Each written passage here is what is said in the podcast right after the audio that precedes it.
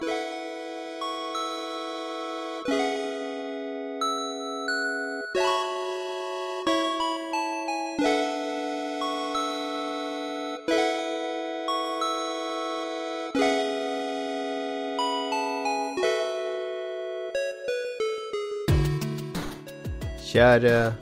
Lolbua-lyttere. Det er med stor sorg vi går inn i Lolbua 171. En storhet har gått bort. Vi minnes havnesjefen. Det kom som et sjokk denne uka, Lars Rikard, når nyheten kom om at havnesjefen nå var avliva. Ja, det vil jeg si. Og dere hører i Harstad, der er det òg mye triste mennesker. Ja. Magnus, Sørlandet Ja. er jo kjent for uh, fisk, og, og disse havfuglene er jo, eh, er jo i flokk i havna der. Riktig. Hvordan mottok eh, sørlendingene nyheten om at havnesjefen nå har gått bort? Eh, I hvert fall de rapportene jeg har fått inn, er at kristiansandere nå samles nede i havnebassenget i Kristiansand sentrum og da fòrer roser til disse andre svanene som nå plasker rundt og ved at en av de har, har gått bort for alltid. Mm. Vi dedikerer herved episode 171, sånn som de gjør av og til på film, In Memory of Havnesjefen. Ok, ferdig med havnesjefen. For en, for en agurkhistorie. Har dere fulgt med på det her? Som jeg har fulgt med på havnesjefen nå i fire uker, er det vel? I starten av juli kom første story, og det, det må jo ha vært en klikkmagnet. Jeg vedder på at dere satt oppe i Harstadtiden og begynte å lete etter en hissig svane dere kunne frakte inn i havna for å, for å kopiere havnesjefen-suksessen. Selvfølgelig. Vi fant en gammel senil olding, men det var PFU ville ikke tillate det, så ja. Havne, havnepedoen slo ikke an i samme stil. Havneblotteren gikk ikke. Nei. Så ingen knoppsvane i Harstad, dessverre. Dessverre. Nei, det har jo vært eh, Altså, det er én ting at det er agurktid, det har vært et voldsomt engasjement rundt denne havnesjefen. For de som ikke har fulgt med i det hele tatt, det er snakk om en svane som driver angre, har drevet og angrepet folk i mange år, som, som Os kommune beslutta å avlive. Og da kom det jo støttegruppe til havnesjefen, og noen Det var jo til og med sånn pengeinnsamling, og de leide jo en advokat til denne svanen for å få han omflytta i stedet for drept. Jeg fikk ikke høre om det her før i går, eller noe. Hvor du drev og Eller i dag, eller Jeg vet ikke hva det var. Havnesjefen. Det er som en mann, bare at den her endelig skjedde nå, liksom. Ja, nei, men eh, det, det har vært eh, en uh, farse skråstek eh, hysterisk agurksak. 2017-sommeren kommer til å stå i havnesjefens minne. Det er helt klart. Velkommen til en helt ny episode av Lolbua. Sommerferien er nå offisielt over. I dag skal vi dele våre scrapbooks med hverandre, eller våre sommerminner. Eh, Det er litt sånn ymse både òg. Jeg kan jo si så mye som at mitt minne er ikke all verdens arbeid, men det er viktig at vi deler noe fra sommeren vår. Ja. Det har ikke bare vært sommerferie. Vi har jo vært Noen av oss har vært på litt ferie nå, noen av oss har vært på jobb, noen har returnert til Oslo. Hvordan har den siste uka vært, Kara? Lars, du har jo vært i Polen. Det skal du kanskje dele i videoen din, men eh, har du vært i skikkelig feriemodus? Har du klart å slappe av?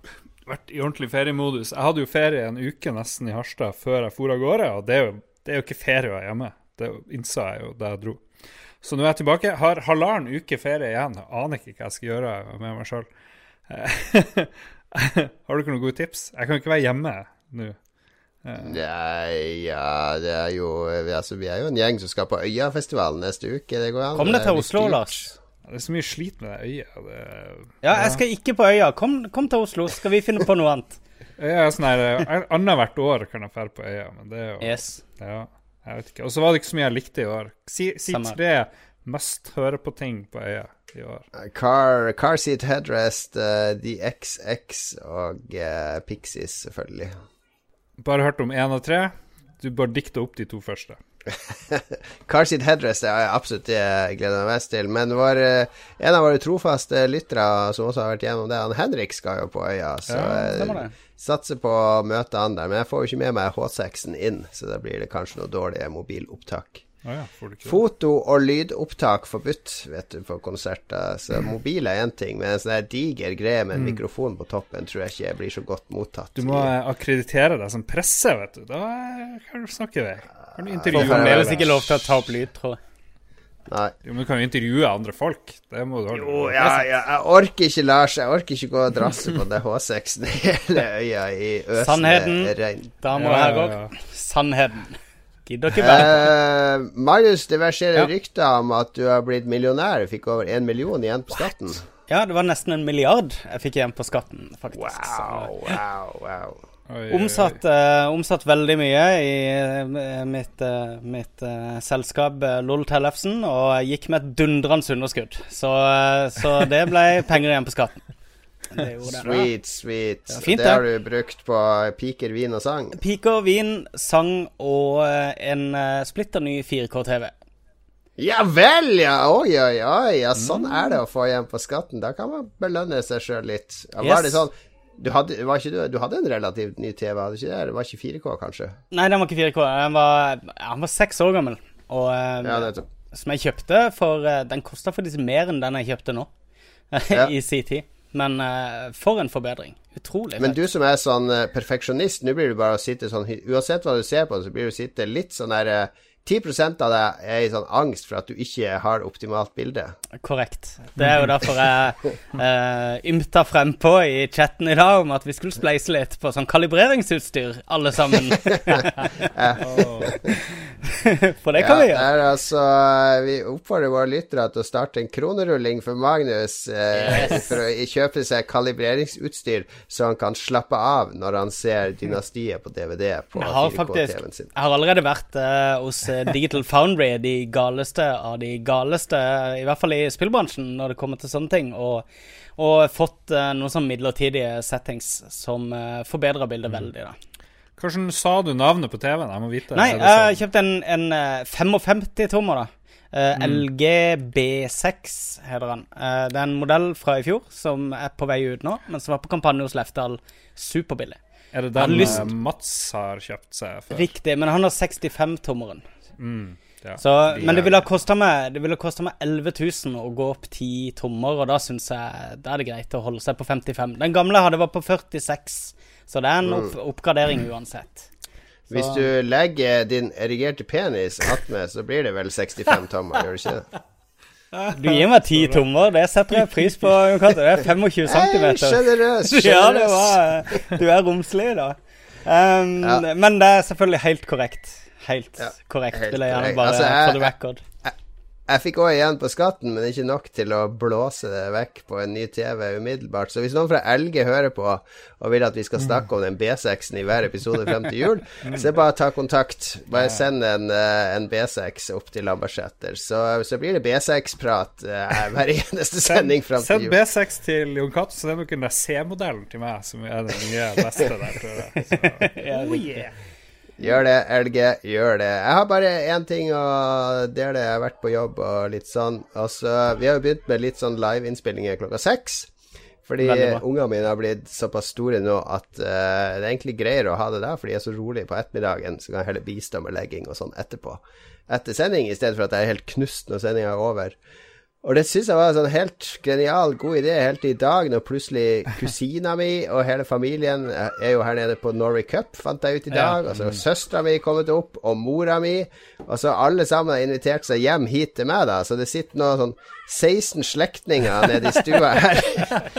Mens jeg måtte si ja ja, nå skal vi opp og ha livesending. Men så viste jeg det jo det nye kontoret mitt. Altså Studioet. min mancave. Ja, og da ja, gikk det et misunnelsens blikk gjennom eh, herrene. Og, eh, og kvinnene bare rista på hodet, og, og det var roll eyes de luxe. Ja, det var det, ja. Nå skjærer vi kjønnene eh, hardt over en kam, men var det så, så klart? Jeg vet jo flere kvinner som ville ha likt et sånt kontor, men liksom, i din slekt så er alle menn menn, og alle kvinner de står på kjøkkenet og Ja, ønsker seg er, kun nye kasseroller. Ja, vi er kanskje litt eh, Jeg var kanskje litt drastisk i mine karakteristikker der. Det, er I hvert fall det som har skjedd i det siste. Så kommer det til å skje noe. Jeg skal gjerne tease det her. Altså, det kommer en jingle i neste episode som vi skal spille fram til 30. august. Oi. For som alle, de fleste av våre lyttere sikkert har fått med seg, Destiny 2 kommer jo 6. september. Hva? Og, on og onsdagen før, 30. august, så blir det en liten Destiny-samling på eh, Selvfølgelig på Destiny pub og kafé i Oslo. Det er midt i Oslo sentrum. Eh, de som står bak, er jo da Preljuice, som vi har spilt en del Destiny med før. Han er jo en, kanskje en av de mest kunnskapsrike Destiny-spillerne i Norge. Han var jo også med på den Radio Cosmodrome-podkasten til, til Level Up. Eh, han og Spion, som er vår venn, som nekter å være med på podkasten vår, men nå har han Nå har han sittet Nå har han stukket lillefingeren fram, så da kommer vi til å dra han inn i podkasten. Nice. Trodde han at det var frivillig? De er to av Norges mest habile Destiny-spillere, og de er så gira på Destiny 2 at de kom på en idé her. Kan ikke vi ha en litt sånn Sånn privat launchparty. Altså, det her har ingenting med Activision og Bungie å gjøre. Det er to fra Destiny-community som gjerne vil prøve å samle litt Destiny-spillere uka før, onsdagen før eh, Destiny 2 kommer. I Oslo, bare for å drikke litt øl, snakke litt om Destiny. Jeg tenkte kanskje jeg skal lage en liten Destiny-quiz til de som kommer, og en sånn eh, helfokusert Destiny-quiz. Se hvem som kan mest om Destiny i Norge. Så 30. august, hvis du liker Destiny og er i nærheten av Oslo, hold av den datoen. Eh, vi kommer til å få eh, Ja, vi kommer til å bli en bra gjeng på Destiny pub og kafé.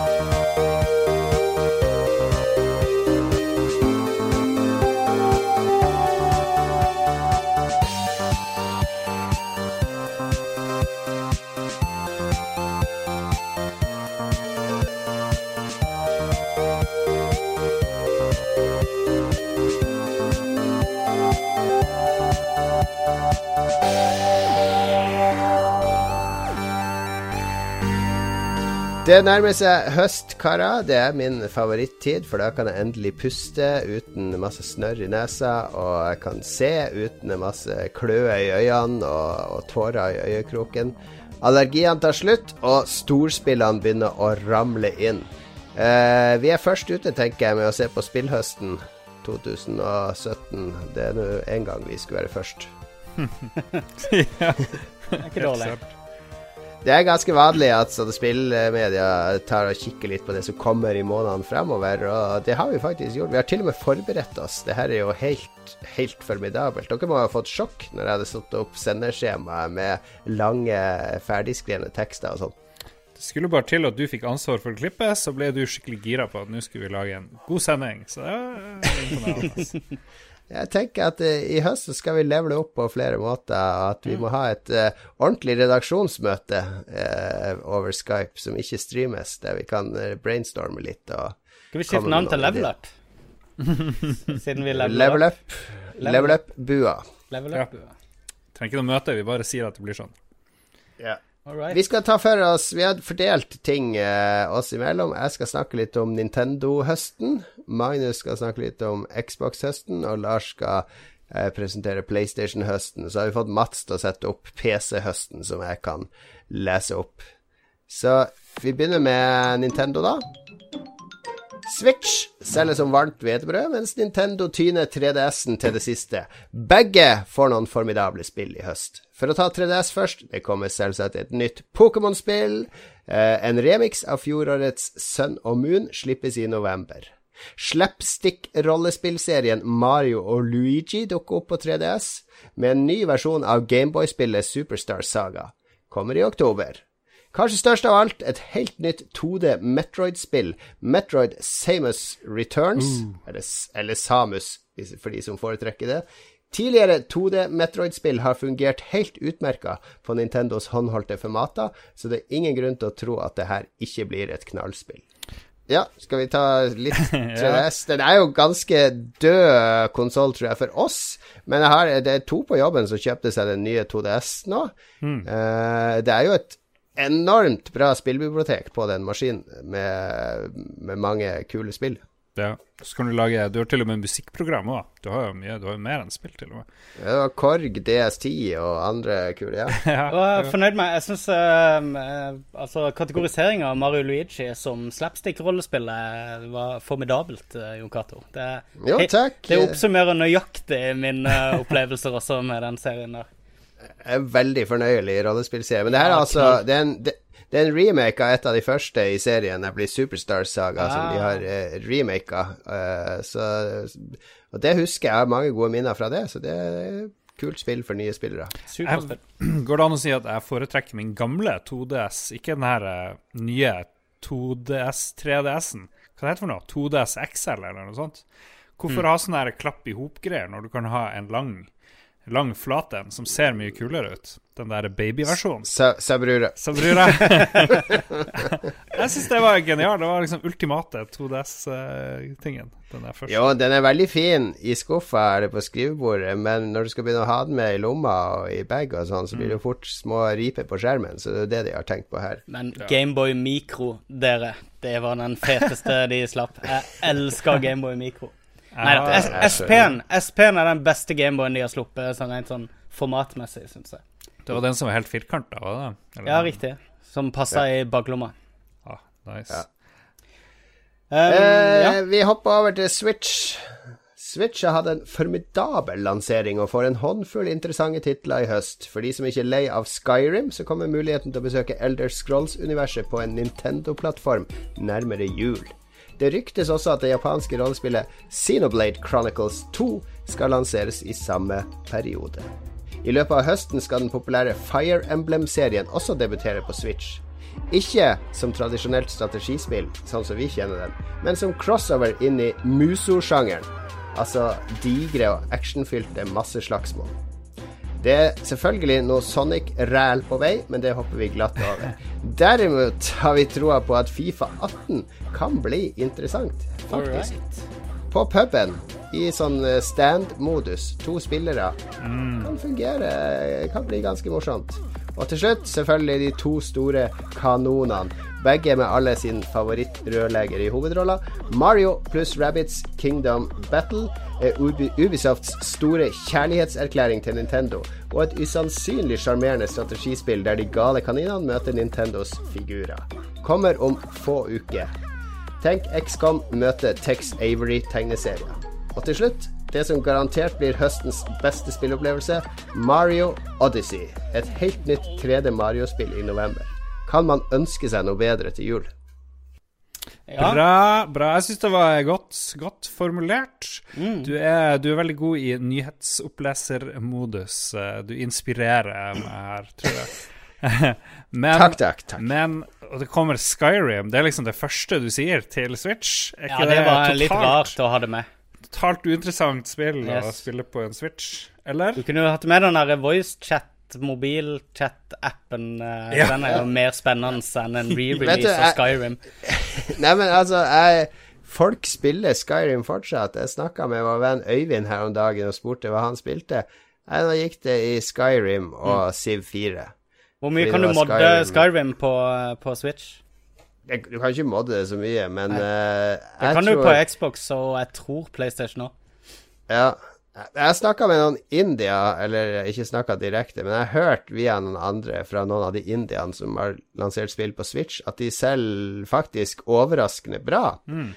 Og mye av grunnen har, tror jeg da, er at når du gir ut på Switch, så når du en gruppe spillere som spillet ditt ikke har vært tilgjengelig til før. Fordi mm. at de, de spiller bare på Nintendo. Altså, de, de er ikke hardcore nok til at de har gidda å kjøpe Skyrim på PC.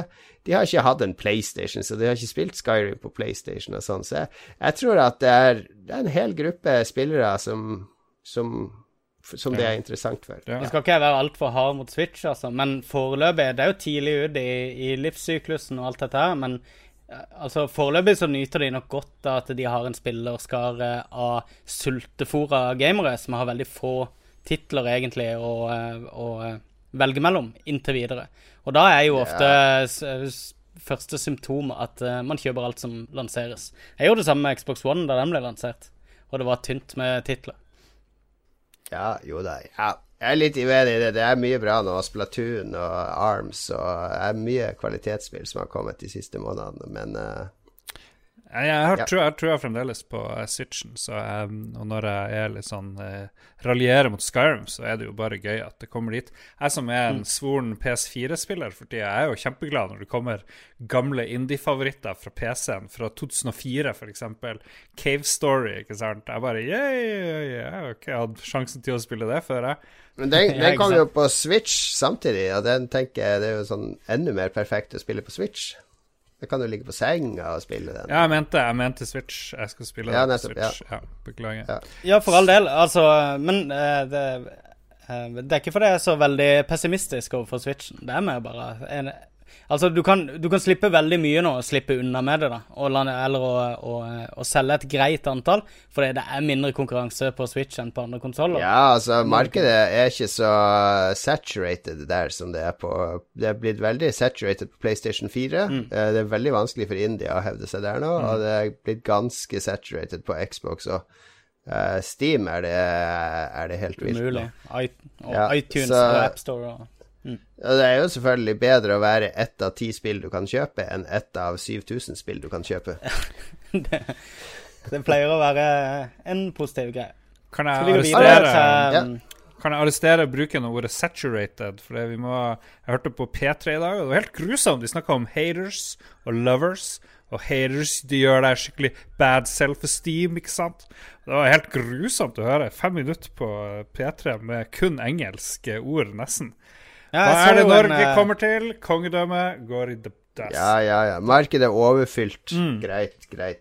Vi går til Xbox uh, Letning, vår er det ikke det? eh, Ja, jo. Um, ja, Det vår uh, Xbox-korrespondent uh, Magnus Gates Tellefsen. det er meg.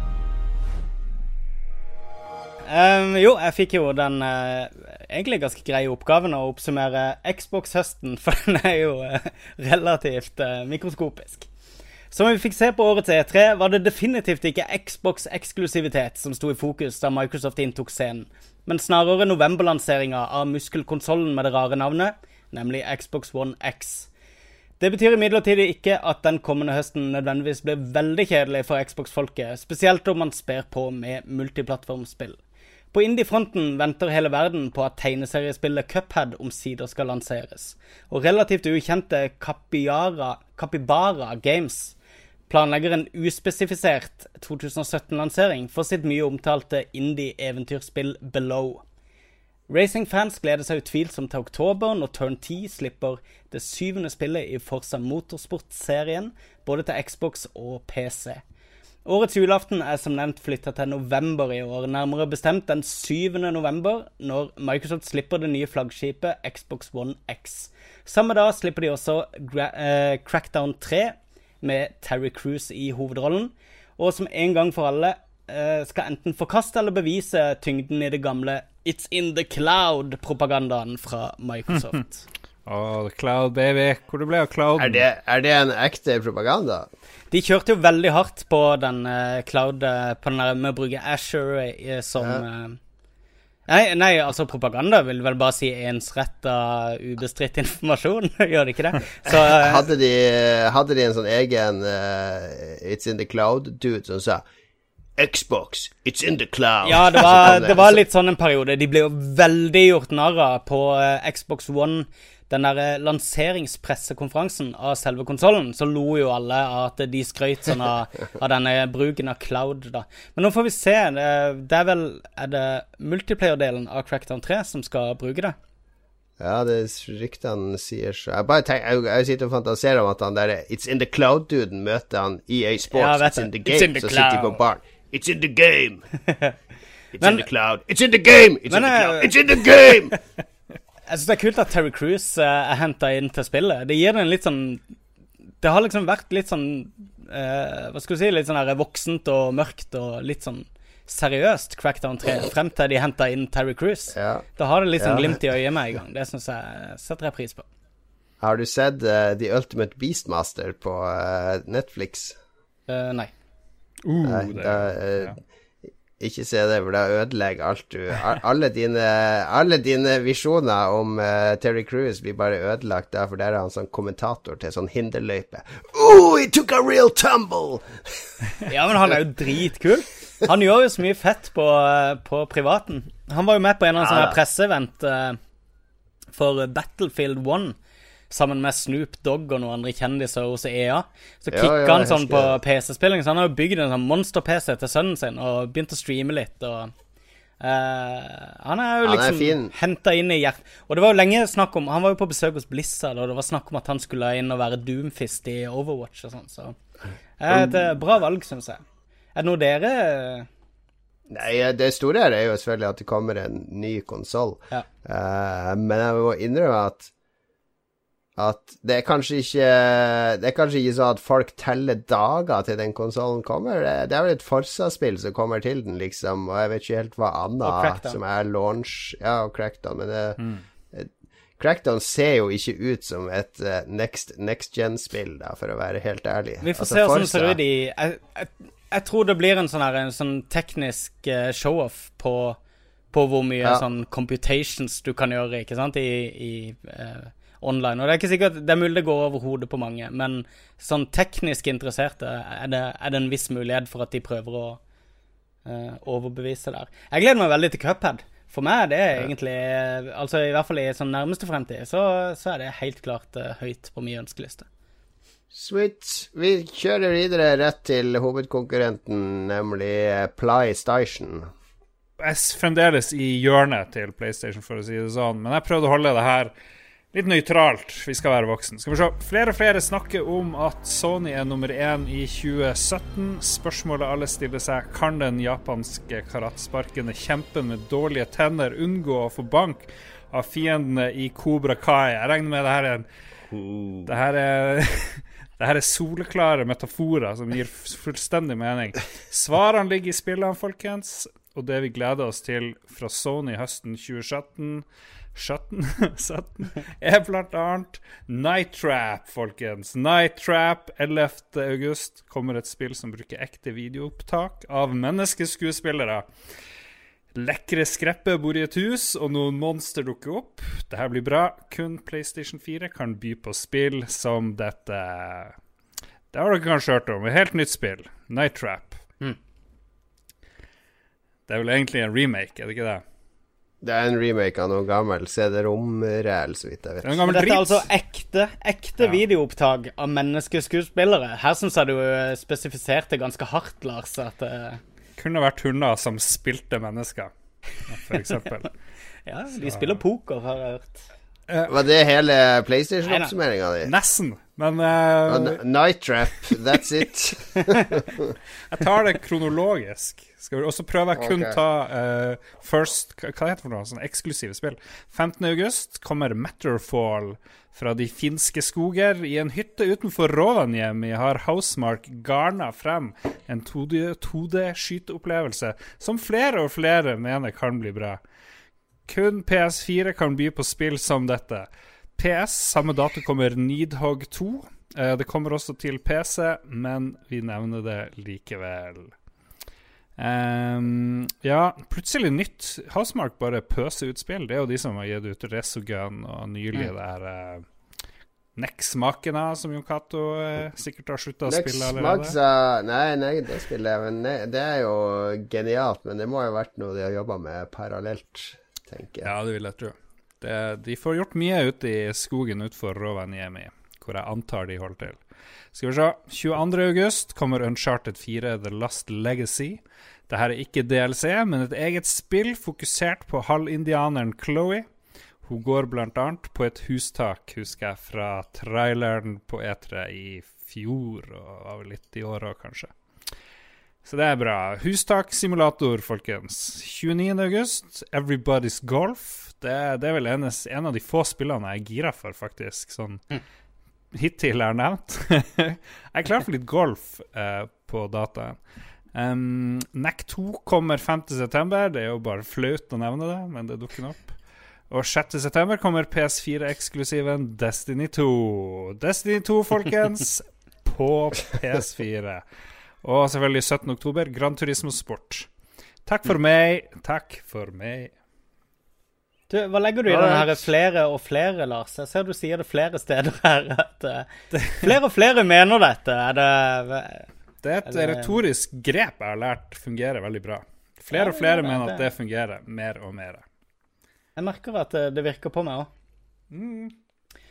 Hvis du skal trekke frem uh, noe annet enn Destiny 2, uh, er det Everybody's Golf som er høydepunktet for den kommende høsten?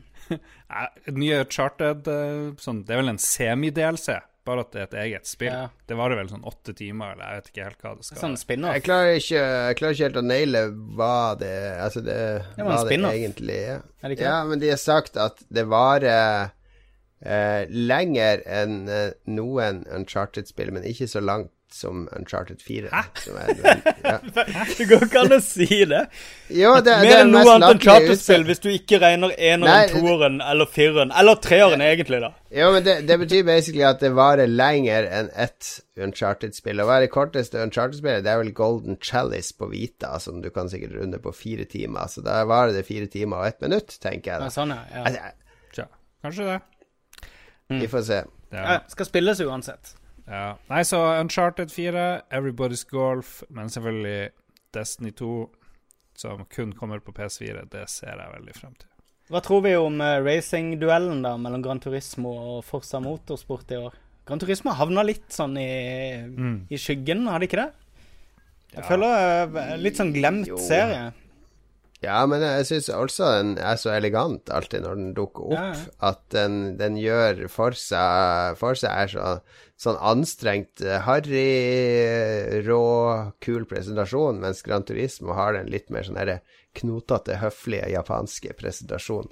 Som i hvert fall sjarmerer meg. Vi får se når sport kommer. Jeg, jeg satt jo og pusla litt med quizen vår her om dagen, Magnus, og kom på en utrolig nådeløs eh, oppgave, nemlig skjermbildet fra Project Cars 2, Gran Turismo Sport oh, og Forsa. Forza. Hvilket spill? Hvilket putt riktig racingspill på riktig skjerm. Det er fuckings umulig, skal jeg si det. Det- Det er absolutt ingenting som skiller de racingspillene fra hverandre lenger, og det er litt kjedelig, er det ikke Ja, jo visst er det kjedelig. Det er jo stor forskjell på Forza og Forsa Forza Horizon, kan det hende det heter. Jeg har Ja, Horizon ser man forskjell på. Det er jo fant fantasy racing, ikke sant. Det er arkade Litt sånn arkadepreg. Men de realistiske racingspillene, de er, de er komplett identiske nå. ja, veldig uinteressant. Dessverre. Dessverre. Yes. Vi har fått bidrag fra Mats òg på PC-spill og også noen multiplattformspill. Skal, skal jeg ta og lese med Mats sin stemme? Gjør det. Eh, Så har du noe som heter Lawbreakers. Eh, Det kommer eh, det er Cliffy B sitt nye FPS med Reap of Gravity. Absolver fra, fra Devolver seg av Slowclap, en multiplayer fighting-spill Ok, jeg klarer ikke mer. Mats. Det hørtes litt ut som Det var ganske bra. Du var inne på noe. Ja, ja. Alle har maske Alle har maske i Absolver, og ja. XCOM 2, War of the Chosen Expansion, eh, som skal være en ganske stor expansion som utvider spillet betraktelig. Life is Strange Before the Storm kommer eh, i slutten av august, som er, er det en prequel, eller er det en sequel? Jeg har ikke helt fått det med meg. Prequel tror jeg kan stemme. ja. Ja, nettopp. Ja, det er veldig, i hvert fall veldig mange som er store fans av den serien, selv om ikke alle i? Lolbua Nei, å ja, Life, Life is Strange. Life, Life is Stranger Things eh, som kommer. Eh, Divinity Original Sin 2, full release på PC. Skikkelig RPG med mye morsomme mechanics. Det kan jeg skrive under på. Utrolig Mm. eh, verdig arvtaker til Baldur's Gate og det de spillene skapte. Total War Warhammer 2. Kanskje Magnus lærer seg å spille Warhammer 1 Jeg før. Total War Warhammer 2 kommer. Yes. Uh, han har også nevnt Cuphead, som vi har snakka om. Dauntless på PC, som er en sånn blanding av Dark Souls og Monster Hunter. Jeg har sett en trailer på det, og det ser litt spennende ut. Uh, men da kommer jo også Monster Hunter til PC på nyåret, så det, det, blir- det blir gøy. Og så til slutt har han nevnt Middle Earth Shadow of War er eh, høydepunkt. 10. oktober. Som eh, Ja, det er et veldig artig spillmekanisk spill som, som leker seg med mange konvensjoner. Han har så vidt tatt med noen multiplattformspill. Det kommer jo et nytt Assassin's Creed som foregår i Egypt. Det kommer jo et Call of Duty der de har putta handlinga tilbake til andre verdenskrig. Det kommer jo et Far Cry der vi befinner oss i noe sånn hillbilly-land i USA. Og det kommer et Destiny 2 der en masse hjernedøde aper skal opp i verdensrommet og skyte og tro at de er skikkelig kule. Han har heller ikke nevnt denne her uh, Destiny-klonen fra EA. Hva heter det? Det irriterer meg. Anthem! Anthem heter det. Ja. Men kommer det Det kommer jo ikke i år, vil jeg tro. Nei, det er neste år, kanskje. Ja. Skal vi ta en pause før vi tar noen lytterbidrag på hva dem er mest speed-gira på? Ja, og en del av de multiplattformspillene kommer til å dukke opp der uansett, så vi får flere spill å snakke om straks. Yes. Vi tar en pause, og så skal vi ploge gjennom et tonn med lyttebidrag. Vi, ikke, vi kommer ikke til å bruke så mye tid på det som vi pleier, men uh, alle lytterne blir hørt. Din stemme er viktig i Lolbua.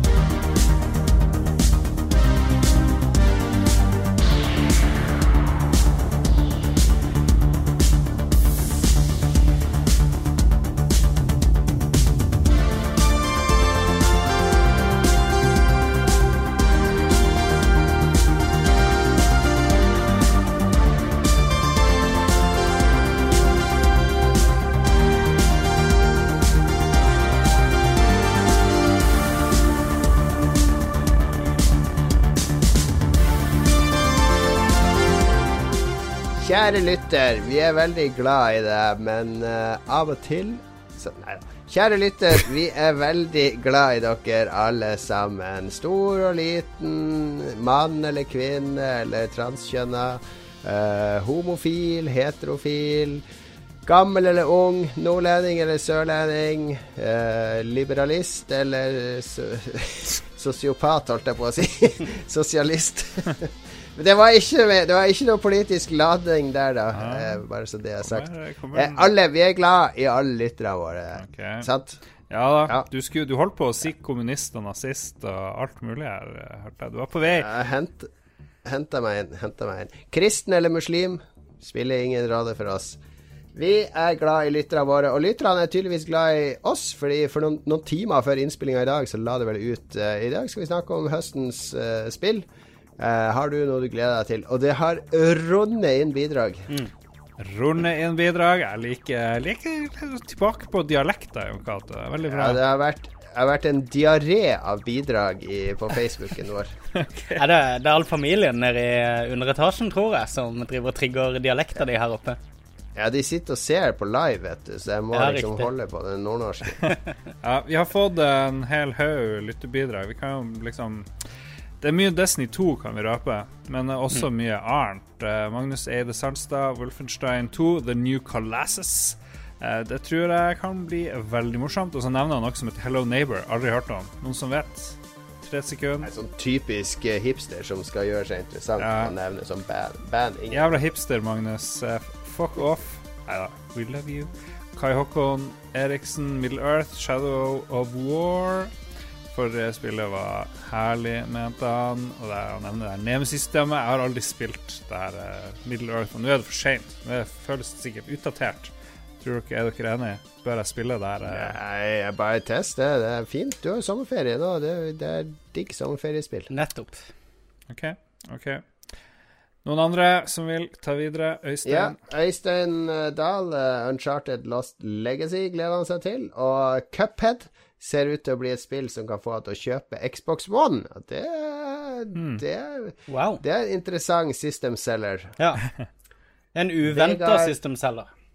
Ja, men har, du god, har man god smak, så har man god smak, og da investerer man for å få tilfredsstilt smaken sin. Vegard Mudenia, Destiny 2, selvsagt. Og hva ellers? Mudenia er jo en hardcore Binding of Isaac-spiller, som selvfølgelig venter på Afterbirth Pluss på PS4. Eh, min eldste sønn driver og spiller Afterbirth Pluss nå. Han har sittet med det i en uke der oppe. Har sikkert klokka inn 150 timer. Det går kun i Afterbirth Pluss og Overwatch oppe, på, oppe i tredje. Bjørn Anders Ulsund, Destiny 2 og Need for Speed Payback. Den har ikke vi nevnt i det hele tatt. det er så fett ut. Det er jo fordi vi ikke er ons at vi ikke har nevnt Need for Speed. Nei, det Payback. ser, det ser dritfett ut. Det, det jeg husker jeg ble imponert over det på, på um, EA-visninga på E E3. Vet du hva, jeg leste et intervju med han EA-sjefen, han Andrew et eller annet, han som er EA-sjef nå, eh, om eh, fremtida for spill. Det var, det var veldig interessant, da, for han, han sa jo I 2007 så skjønte EA at spilleren kom til å stå i fokus, og at digitalt var løsninga. Så de begynte å vende seg direkte mot spillerne og alt mulig sånn. Det stemte jo. Digitalt var, var liksom greia. Og nå begynte han å snakke om at hvis du putter inn masse dikt, fra den, alle diktene fra den samme dikteren, inn i en sånn, i, i, sånn algoritme, What? og så ber du den algoritmen om å skrive dikt som den dikteren, så vil den produsere dikt, altså med samme type dikt Stil, som, liksom. som de, Ja, med samme stil. Takk, det var det jeg lette etter. Som en lekmann vil ikke kunne klare å skille det datagenererte diktet fra det ekte diktet. Ja. Og det kan du også gjøre med malerier. Du kan mate en sånn datamaskin med Monet-malerier, og så vil han analysere alle de, og så kan han generere Monet-malerier med helt nye motiver, som en lekmann ikke vil klare å skille fra original. Og det poeng kommer til poenget. Sorry for en lang rant. Det Det han mente, var at de kunne ha et spillprogram at han mente at de, de drev og forska på det her nå, at innen fem år så ville vi få se de første spillene basert på det her. Der de kan f.eks. si det skal foregå i andre verdenskrig, og så mater de det spillprogrammet med filmer og, og romaner og drit fra andre verdenskrig. Ja. Og så vil spillet generere historier og karakterer og alt sånn basert Netflix holder på. Ja, men bortsett fra at her er det ikke mennesker Altså, du Jeg er overbevist om at ikke det er mennesker involvert i Netflix. Eller Greia er jo at du vil jo han Monet og hvordan en kunstnere, uansett om det er forfattere eller noe, vil jo utvikle seg over tid. Så det vil sikkert fungere å gjenskape noen, tror jeg. Men det vil liksom ikke si hva ville de gjort, mest sannsynlig, hvis de hadde levd Nei, men lengre. du kan lage noe i den stilen. ja, det er det som og er, det er ideen. Det er jo interessant. Men liksom, Så- så hvis du sier sier liksom at- Men spørsmålet blir jo naturlig kan vi erstatte alle kunstnere med dataprogrammer. Det vil jo Nei, være nei, en nei. naturlig greie. Ja. Er jo noen, noen vil jo si ja. Frp er jo på det her, de har jo studert det her lenge. Og Ja, det er bare å mate inn med DDE-skiver, så har du Jeg føler, jeg all kunst vi trenger. Ja, ja, Ja, jeg føler det her er en egen episode, egentlig. Men vi har faktisk snakka litt om det på jobben, de kunstnerne som jobber Mm. her. Fordi de vet at det finnes noe programvare ikke sant, som kan generere det som de bruker timevis på laget. Og det, det, de er akkurat der nå at den programvaren snart er bedre enn skillsene til et menneske. Da. Ja. Og, og hva, hva, hva skal kreative mennesker leve av da? De lager konsepter. Altså, men det er jo håndverket som blir noe annet, da. Men det, det blir jo bare at konseptet kommer i, kommer i sentrum i stedet for håndverket, da. Det er spennende. Avsporing, avsporing. Vi, vi, vi skriver det opp. Eh, mulig fremtidig episode. Få med filosofer og han Thomas Hylland Eriksen og en til, så har vi en bra, bra Hvor vi er kommet? episode. Hvor er vi? Where are we? Det er på han Karstein Pettersen. Er på Destiny Hvordan 2 havna du på den der Mar- ranten din, eh, Jon? Det lurer Need for speed payback. Hva er det? Ja, og EA-sjef. Ok, okay. ok. EA, vet du. Ok, Vi har mange vi har, Ok, Magnus, du tar over. Vi har masse, mye Destiny her. Ja. Han Ok. Vegard er neste. Uh, Siv Sivertsen. var det ikke Marius Haug Skogekker som uh, sier Jo. Destiny 2 som er nestemann? Og det sier også Vegard Syvertsen. Destiny 2, altså. Uh, altså, han sier at det kommer 6.9, og 19. er det termin for mitt første barn, så her skal det spilles maksimalt de første dagene. Oh, yeah. De første dagene burde være i sånn gåsetegn, føler jeg, for det at eh, jeg tror du kommer til å oppleve at du nedprioriterer alt av privatliv, selv en nyfødt sønn, for å Vet spille du, Ve- Vegard, Vegard, det du kan glede deg til, er ja, sånn ja. vå- våkenatt når babyen begynner klokka to, og så må du opp og varme litt melk og, og mate litt, så kan, mens det ligger på armkroken og spiser Ja. flasker, så kan, kan du ta en, en daily. Du kan ta en mission med lyden lav. Ja, ja, ja. Jeg har gjort det sjøl, Vegard, og det er kos. Det er minner med babyen som du, som du kommer til å huske resten av livet. Nice. Veldig bra. Som du kan fortelle i konfirmasjonen og sånn uh, seinere. Kjør på, Magnus. Uh, skal vi se Kristoffer Ghetto Boys Hansen Leistad foreslår uh, Divinity Original Sin 2. For uh, første var virkelig god tid for meg i 2014, sier han. Um, Katarina Bergrue, som vel var gjest hos oss, eh, Stemmer. sier er vi, er vi sjokkert over at hun nevner Destiny 2, eh, Lars? Nei, vi hadde jo Hun snakka jo 20 minutter sammenhengende om Destiny og Destiny 2 da hun var her, så jeg skjønner, skjønner godt det. Men kanskje litt overraskende legger hun til Hellblade Senua's Sacrifice, som vi ikke har snakka om i det hele tatt, som jeg ikke har kikka på i det hele tatt. Så det skal Det ses på. er, det er interessant, for det er jo Team Ninja-spill ah, ja. som er kjent for Enslaved, og, eh, og de lagde jo den nye Devil May Cry-remaken, som er egentlig et av de beste Devil May Cry-spillene, spør du meg. Utrolig tight og bra spill. Men det her er første gang de har laga et lavbudsjettspill. Altså, de har tidligere hatt ganske store budsjetter og laga AAA-spill. Det her er liksom første indie-spillet deres, som også har De har delt ganske mye av utviklinga. Hadde også laga sammen med noen psykolog, så det handler om traumer og Jeg syns det virker veldig interessant, fordi det er et veldig teknisk kompetent team som har masse AAA-erfaring, som nå lager noe helt annet. Det ligner jo veldig på The Heavenly Sword, og det så jeg i traileren. Og så nå når jeg googla, så ser jeg at det er jo Ninja Theory som lagde Heavenly Sword. Det visste jeg ikke. Ja, det er Ninja Theory. Ja, jeg sa okay, ja. Team Ninja, jeg mente Ninja Theory, Ok, Okay. Men eh, sjansen for at eh, det er akkurat like uengasjerende og fint å se på, da, som Heavenly Sword og, Ah, og det andre de har lagd, er jo til stede. Nei, men DMC var jo dødsbra. Devil May Cry-remaken var Ja, jeg, jeg har ikke spilt det ennå. Enslaved, Odyssey to the West, var Enslaved kult. var pent å se på, men litt kjedelig. Det var, det var et bra konsept. Jeg likte det, men jeg elsker det De har til og med Kung Fu Master på Xbox. eh, første Xboxen, som var helt fantastisk fantastisk Kung. Fu Master. Ja, riktig. Ja, det var sånn ko ko komedie-kung-fu-spill. det er var eller? Ja, ja, ja, ja. ja, det var kjempebra. Jeg kan, eh, Alright. jeg kan ta stafettpinnen fra han Ståle, for han nevner Destiny, han òg, og Mario Odyssey. Men eh, Ståle, beklager, vi har så mye vi skal gjennom denne uka, så vi rekker ikke nyhetsinnslagene dine, men vi sparer dem til neste uke.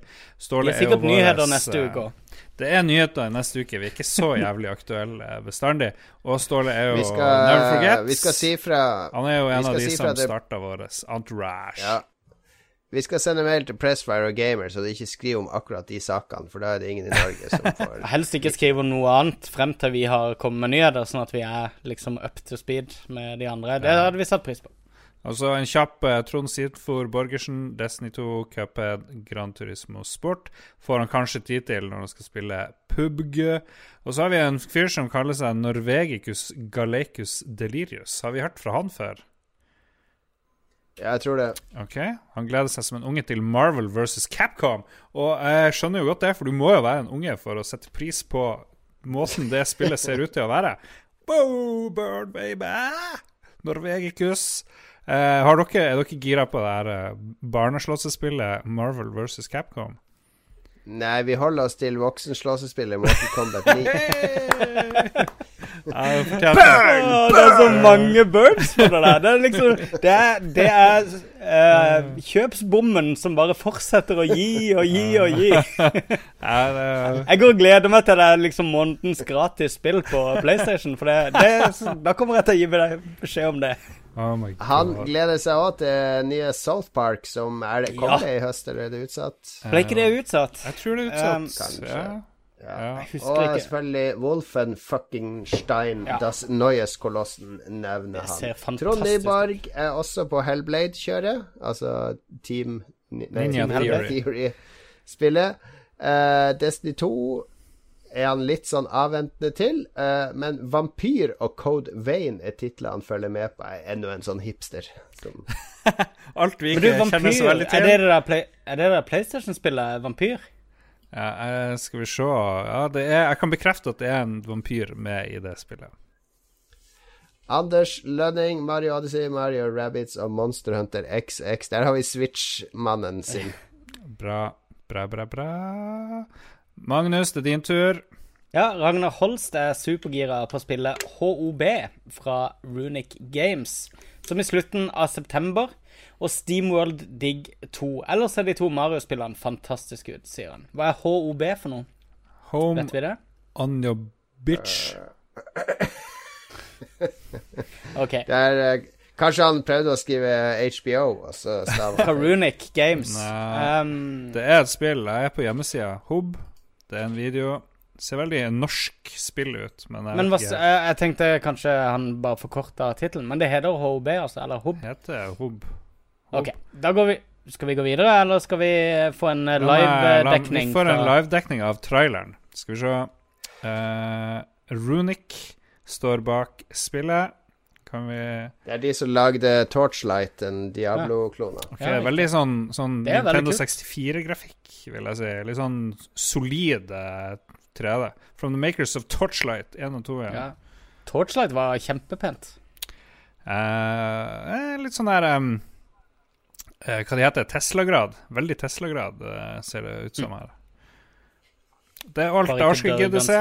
Ser veldig bra ut. Ser utrolig bra ut. Uh, Rikard Koteng, eh, Destiny 2 selvsagt, Mario-spillene og Terraria på Switch Mm. gleder han seg til. Det er nok et sånn spill som passer bra på det håndholdte eh, formatet. Ja. Så har vi to. Hans Oskar Aune og Erlend Bare Bonde. Erlend Bare Bonde Han har vi i hvert fall ikke hørt fra før, nesten. Nei. Erlend Bare Bonde. Har dere ikke bare lyst til å si det navnet hele kvelden? Erlend Bare Jo. Bonde. Jobber du bare som bonde? Erlend Bare Bonde. Jeg har aldri hørt den før. Herre Jesus. De gleder seg til Gran Turismo, begge to. Og så har du han Bjellvåg, eh, fornavn Trygve Hellblade, der òg. Og Seff Crackdown. Yes. Endelig en uh, Crackdown-mann. En Xbox-eier. Sist ut, Robert Karstensen. Divinity Original Sin 2 er spillet han virkelig gleder seg til i år. Også spent på Agents of Mayhem. Og vet, Ja. Dere vet hva det er? Det er jo uh, Saints Row 6, basically. Altså det er Saints Row-utviklere. Ja, riktig. Så- Ja, det er det fett. er jeg tror det er samme type spill som Saints Row, bare at de har rebrandet det til eh, Nå er det bare total ja, kaos. Mayhem. Saints Row er jo for folk som er litt sånn der eh, trailer park trash og syns at GTA 5 er litt for Det er for mye klassisk musikk i GTA 5, så da vil vi Ja, men Saints Row 2 Jeg runda Saints Row 2. Jeg tror jeg runda alle expansionsene nå. Jeg syns det var dritbra. For det, det gikk liksom litt ut fra sjangeren, og så var det bare fuck alt med liksom eh, realistisk fysikk og alt sånt her. Det skal bare være gøy å spille. Så det er sånn super urealistisk og fjollete og Ja, de leger seg bare, rett og slett. Et, et et kjempebra Det var kult lagt opp, men det er jo selvfølgelig litt lavpanna. Det må vi Det, det er open world-spillenes svar på Mot i brøstet, vil jeg si. Takk, takk til alle lyttere som har bidratt. Eh, det blir en spennende spillhøst, det kan vi skrive under på. Eh, veldig hard konkurranse i enkelte sjangre, f.eks. skytespillsjangeren. Skjønner ikke jeg hvordan så mange spill skal klare å hevde seg. Lawbreakers kommer jo nå til helga. Er Ja, du tenker på sånn competitive eh, spill? Ja, ja, det og Destiny og Overwatch er jo på vei tilbake nå, og ja, det er mye som skjer. Det er. Musikk. Music makes the people Jeg begynner å bli litt uh, berusa, kjenner jeg. Ja, Heller du mot Madonna når du eh, drikker alkohol, Lars? Er det jeg har det ikke noe imot Madonna. Jeg Nei, på- jeg skjønner det. Jeg har hørt på mye Åh, vet du ikke hva? Jeg, skal, jeg blir ikke å anbefale det, så jeg kan bare anbefale det her. Det er jo Dean Martin. Jeg har gått fra eh, han eh, Du er på standardjazzen, ja. Old Blue Eyes til, til Dean Martin, og, og Riktig. eh, det må jeg si. Det må jeg si. Den der 'Kick to the Head' er jo, det er jo fantastisk tekst. Ja, dyp. Veldig dyp. Nei da, men det, det svinger. Det svinger. Mye bra. Du skal bevege deg gjennom hele Ratback ja, ja. Om to episoder så er det Sammy Davis jr. som Jeg er gleder meg. Ja. Og alle var med i Canball Run 1 eller 2, husker jeg. Alle de her eh, Sammy Mm. Davis og de her gutta. Så det må jeg se på nytt.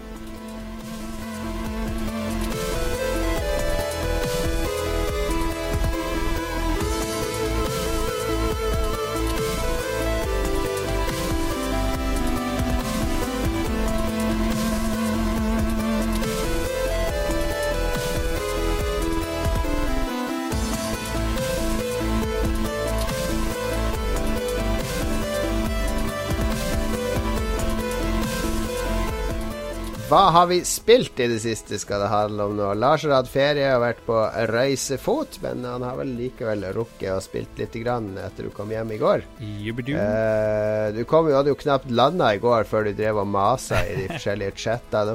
Er det noen som er med på raid? Er det noen som blir med og spiller raid i Destiny? Da jeg dro fra Harstad, så var det jo midt oppi Destiny 2 og Destiny 1-kjøret igjen. Men jeg tok med meg Switchen. Jeg hadde lånt bort Switchen lenge til en kompis, med Zelda, med alt mulig.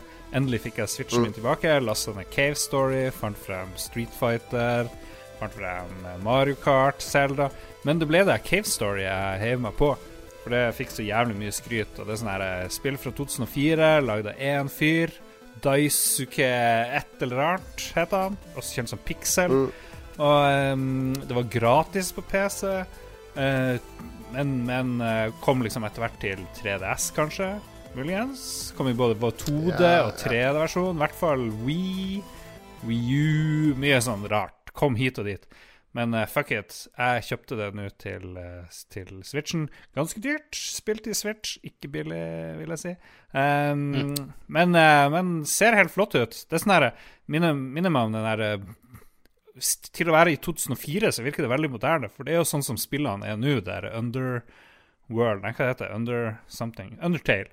Ja, ja, ja. Nå, jeg må, jeg må, nå er det som en fisk som har svømt langt vekk med snøret, Fordi du har ennå ikke forklart hva spillet egentlig Ja, det kan du er. gjøre. Det kan du gjøre. Det er 2D platform exploration Metroidvania-type spill, eller har jeg misforstått helt? Det er Metroidvania-ish 2D, ja, absolutt. Mye våpen. Eh, men du leveler opp våpnene etter hvert som du bruker de, og når du mister liv, så mister du ikke bare liv, våpnene dine mister òg levels. Så det er veldig kult, egentlig. Så du må hele tida levele opp, og, opp våpnene dine som du bruker, og så kan du bruke dem i kombo med hverandre, osv. Og så er det sånn Å, her er et rom med en peis, du kan gå og studere, du kan liksom interacte med alt. Ofte er det ingenting, Ja. men oi, det er noe i peisen. Oi, det må jeg huske når jeg har et item. Kanskje jeg kan gå og sjekke den peisen seinere. Og jeg snakker ikke om penis, selv om peisen er slang for det i Nord-Norge og kanskje andre steder. Men uh, jeg og broderen spilte det. Fungerer utrolig bra i sånn håndholdt-modus. Du kan velge mellom tre ulike soundtrack, tror jeg. Du kan uh, spille det i Coop nå på Switch, i hvert fall eh, online, og så skal det komme offline Coop, og det er jo helt miraculous. Så jeg anbefaler det veldig. Veldig sånn koselig, koselig spill.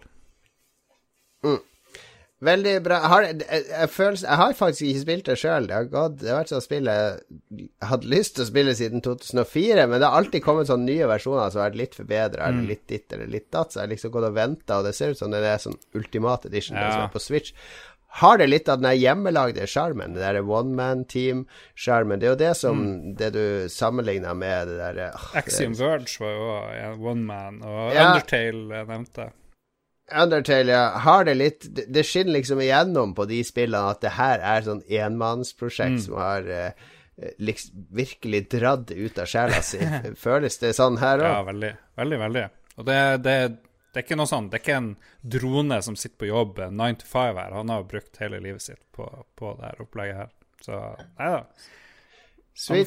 Jeg så det i storen. Jeg så det i storen. Jeg driver og spiller Splatoon 2 nå, som er uh, kjempekult. Jeg så det i storen. Det skal kjøpes en eller annen gang på Switch, som er, føles som et naturlig hjem for Cave Story. Magnus, du driver og leveler opp i Grand Theft Auto 5.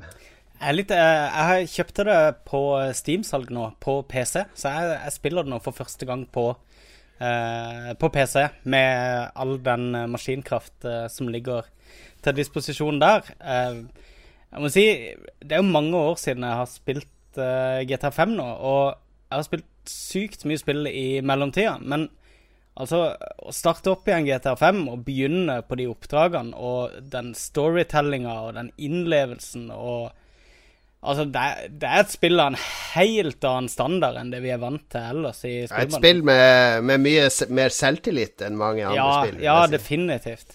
Men det er bare, det er bare klasseforskjell. Jeg, med en gang jeg begynte å spille, så, så begynte jeg liksom å føle suget etter et GTA 6. Det Eh, det, jeg, jeg, koser meg så sykt med å spille det, og det, det er blitt så tydelig for meg at, eh, at eh, jeg på en måte har senka lista en del for å spille spill de siste årene, siden GTA5. Rett og slett fordi spill kan ikke måle seg med kvaliteten der. Det er noe av det beste jeg har spilt.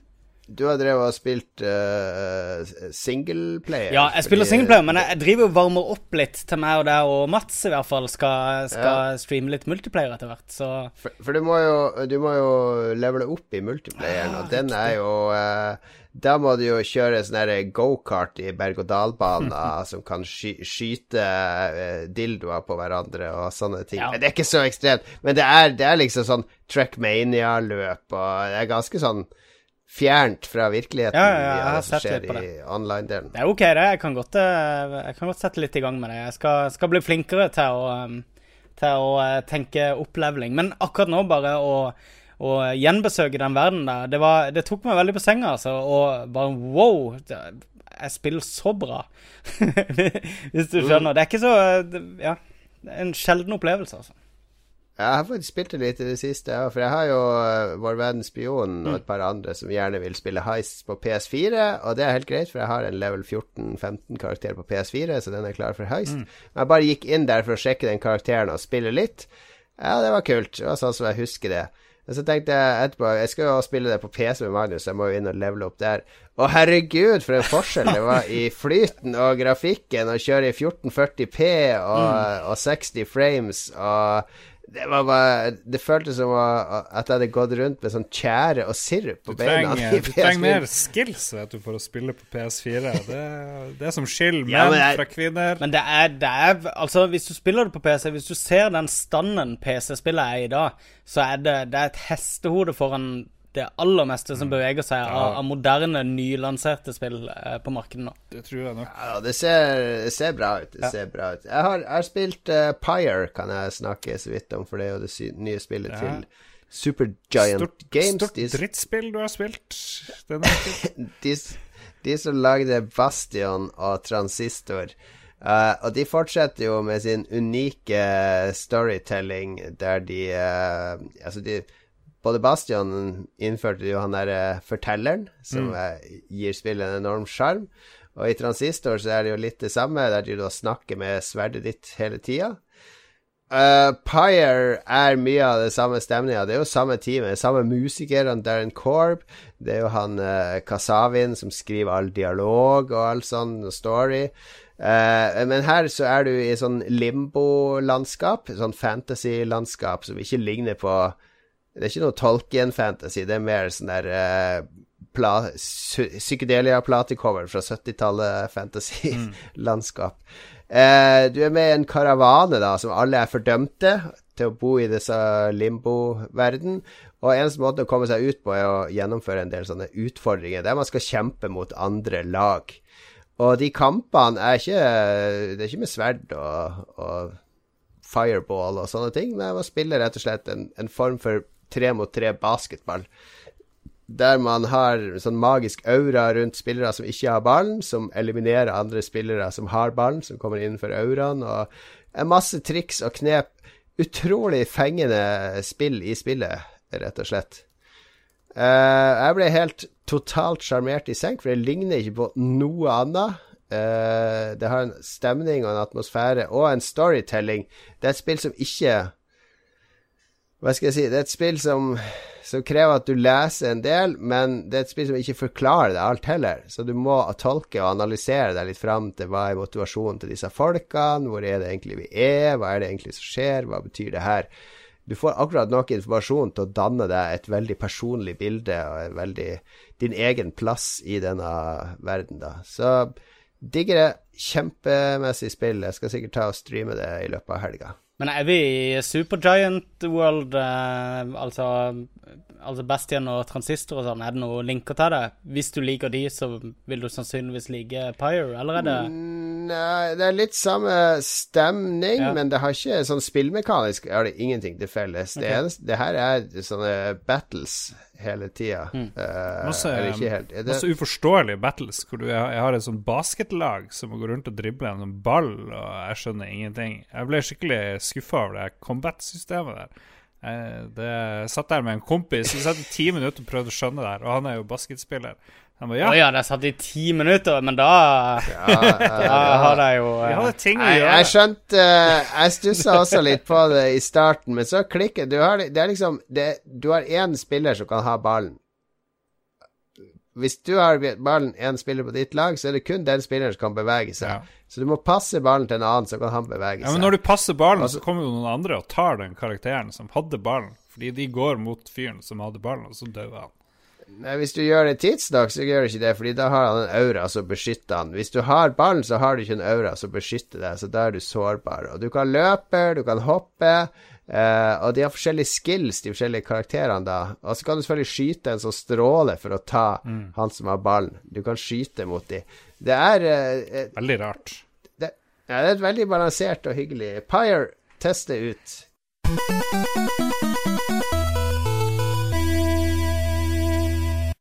Vi skal tilbake til hjemmeleksen vår her, for de har vi, vi har hatt sommerferie, og alle vet jo at det er ikke noe lekse i sommerferien. Vi har hatt én sånn overhengende lekse, som basically er den vi brukte å få på barneskolen, nemlig å skrive en stil om hva har du gjort i sommerferien første uka tilbake på skolen. Vi hadde en lekse gående nå i sommerferien. Vi skulle lage en scrapbook, eller et minnebok, eller en minnealbum, eller en film, eller en dagbok, eller et eller annet. Som eh, bød på en smakebit av hva vi har gjort i sommer. Og det har alle gjort. Ja, jeg har gjort Tja. det. Hør en sja. Utdyp. Jeg, jeg har i hvert fall eh, Jeg har eh, forberedt det, men eh, jeg fikk jo da ikke med meg at dette var noe vi skulle gjøre til denne gang. Så. Herregud! Vi snakka om det for to dager siden. Nei, dere satt og snakka om det i chatten i går mens jeg var ute og kjøpte TV. Eh, Vi snakka om det forrige episode òg, så kom Ja, ikke her, kom ikke her. Greit, jeg tar uh, all mulig selvkritikk for å ikke ha gjort det ferdig. Men det viktigste er jo ikke at jeg er det ferdig til denne sendinga. Det er jo mer til uh, Når folk kan høre den ferdig klippa episoden, da vil det ligge klart. Ja, Det blir mye, mye bra reaksjoner fra meg og Jon Cato når, når det blir klart om to dager. Det, det høres jo ut som du går gjennom et personlig helvete her, så med, med all denne ventetida. altså, Poenget med spalte er at vi skal reagere på hverandre, det hverandre har produsert Ja, i hjemmelekse. og ikke sant? Jo, men jeg, jeg har i hvert fall Jeg har lagd en liten sånn her eh, oppstilling av For det, jeg har vært hjemme i Kristiansand, så jeg har funnet Jeg Ja. fant frem en haug med gamle ting fra min barndom og alt sånt der, som sånne nostalgiske ting jeg fant frem, som jeg stilte opp og tok ett bilde av. Så, så jeg har i hvert fall Det er en, eh, en, eh, en halv innsats bak det, da. Det er jo en viss innsats. Hvis jeg går inn i chatten, jeg finner jeg det da? Er det Det gjør du. Det er det siste som er lagt opp i chatten. Jeg skal ta og legge det opp eh, sånn at folk kan se det live her også. Det er altså snakk om et bilde eh, som Magnus har tatt eh, hjemme, der han vokste opp på Voiebyen i Kristiansand. Korrekt? Eh, av ungdomsminnene hans. Så det vi det er ser kult. på bildet, kan jeg si Jeg syns at det her får være hjemmeleksa di, Magnus, for da, da snakker vi om det, og det er det som havner i podkasten. Så da er det det som folk vil se Ja. når de går på hjemmesida vår. Det er et bilde av diverse eh, Tydeligvis en hoarder, Magnus, som aldri kaster noe. Ja, tydeligvis. Skal vi se om vi ser hva alt der er. Det er i hvert fall et program fra Arkon 10, rollespillfestival, Yes. som var på i Oslo i juni 94. Det er Tie Fighter-demo, som har coverdisk på PC Games. nice?